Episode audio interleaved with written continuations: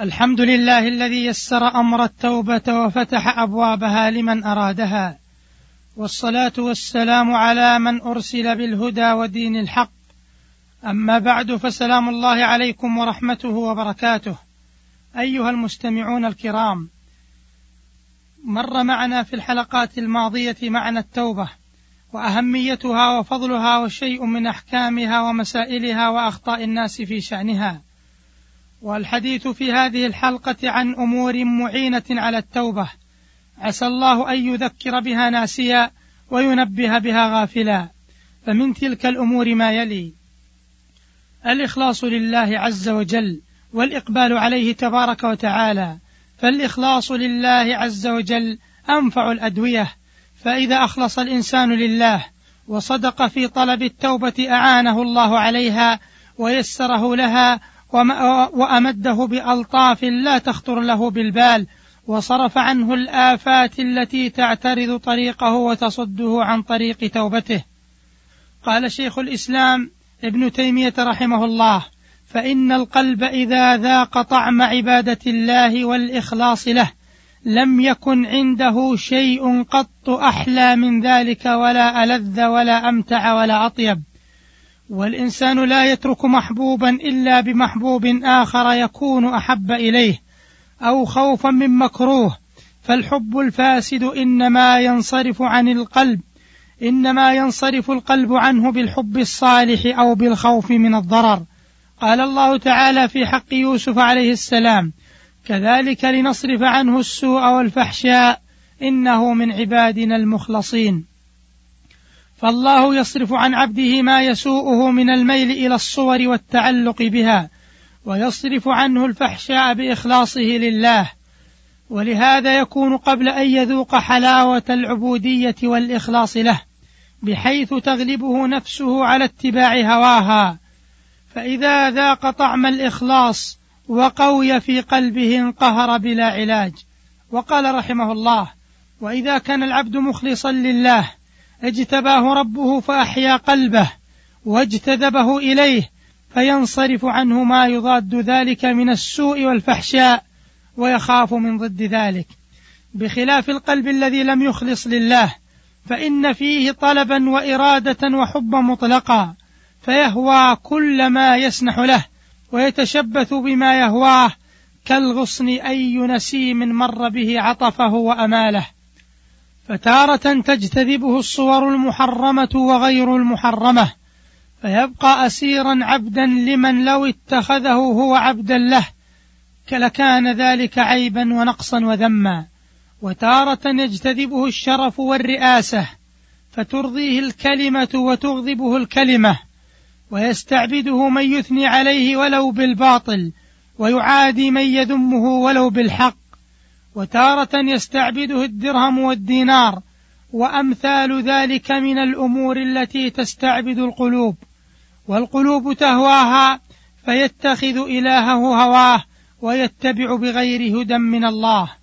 ومن لم يكن خالصا لله عبدا له قد صار قلبه معبدا لربه وحده لا شريك له بحيث يكون الله أحب إليه مما سواه ويكون ذليلا خاضعا وإلا استعبدته الكائنات واستولت على قلبه الشياطين وصار فيه من السوء والفحشاء ما لا يعلمه إلا الله وهذا أمر ضروري لا حيلة فيه.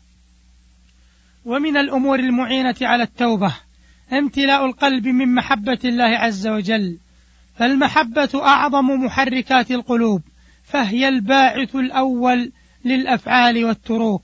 وما أتي من استذل واستعبد لغير الله بمثل ما أتي من باب المحبة. فالقلب إذا خلا من محبة الله تناوشته الأخطار وتسلطت عليه سائر الرغائب والمحبوبات فشتتته وفرقته وذهبت به كل مذهب. فإذا امتلأ القلب من محبة الله بسبب العلوم النافعة والأعمال الصالحة كمل أنسه وطاب نعيمه. وسلم من التعلق بسائر الشهوات وهان عليه فعل القربات فمن المتقرر أن في القلب فقرا ذاتيا وجوعة وشعثا وتفرقا ولا يغني هذا القلب ولا يلم شعثه ولا يسد خلته إلا عبادة الله ومحبته. فأجدر بمن يريد الإقبال على الله والإنابة إليه أن يملأ قلبه من محبة الله. ففي ذلك سروره ونعيمه وأنسه وفلاحه. قال ابن القيم رحمه الله فكيف بالمحبة التي هي حياة القلوب وغذاء الأرواح وليس للقلب لذة ولا نعيم ولا فلاح ولا حياة إلا بها وإذا فقدها القلب كان ألمه أعظم من ألم العين إذا فقدت نورها والأذن إذا فقدت سمعها والأنف إذا فقد شمه واللسان إذا فقد نطقه بل فساد القلب إذا خلا من محبة فاطره وبارئه وإلهه الحق.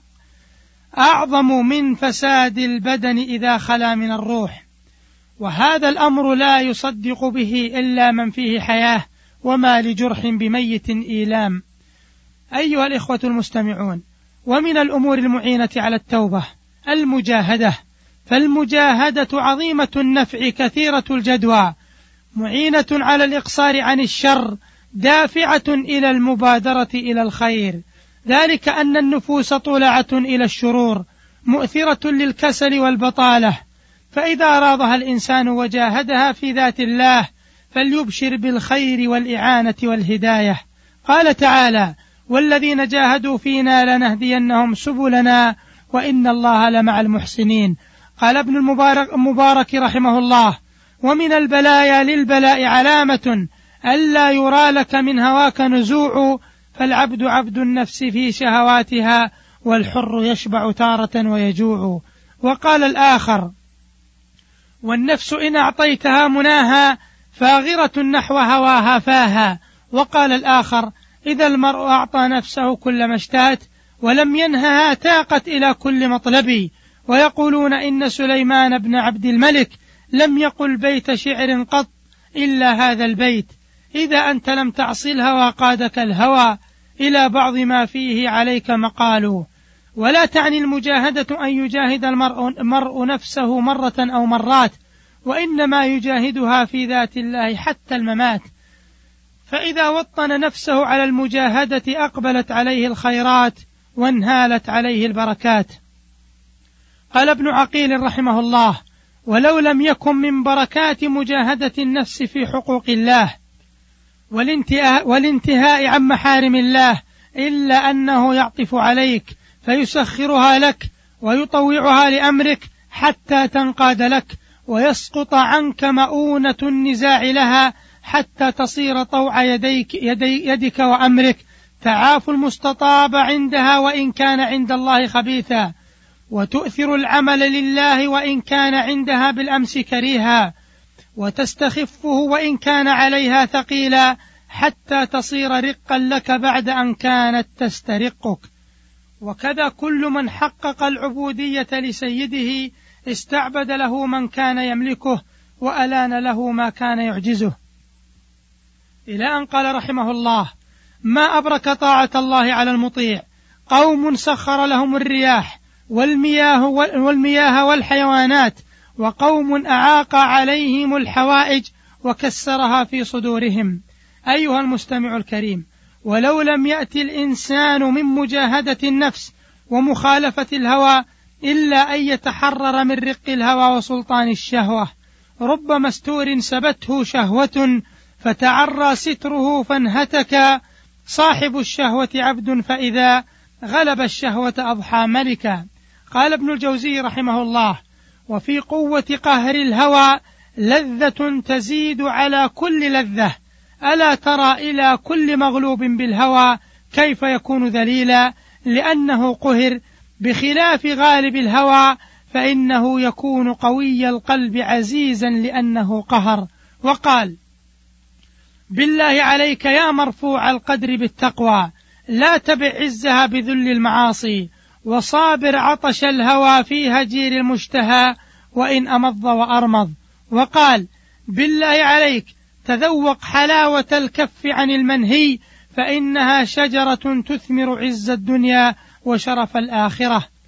وقال رحمه الله إخواني احذروا لجة هذا البحر ولا تغتروا بسكونه وعليكم بالساحل ولازموا حصن التقوى فالعقوبة مرة واعلموا أن في ملازمة التقوى مرارات من فقد الأغراض والمشتهيات غير أنها في ضرب المثل كالحمية تعقب صحة والتخليط ربما جلب موت الفجأة. أيها المستمعون الكرام إلى لقاء في حلقة أخرى. أستودعكم الله والسلام عليكم ورحمة الله وبركاته.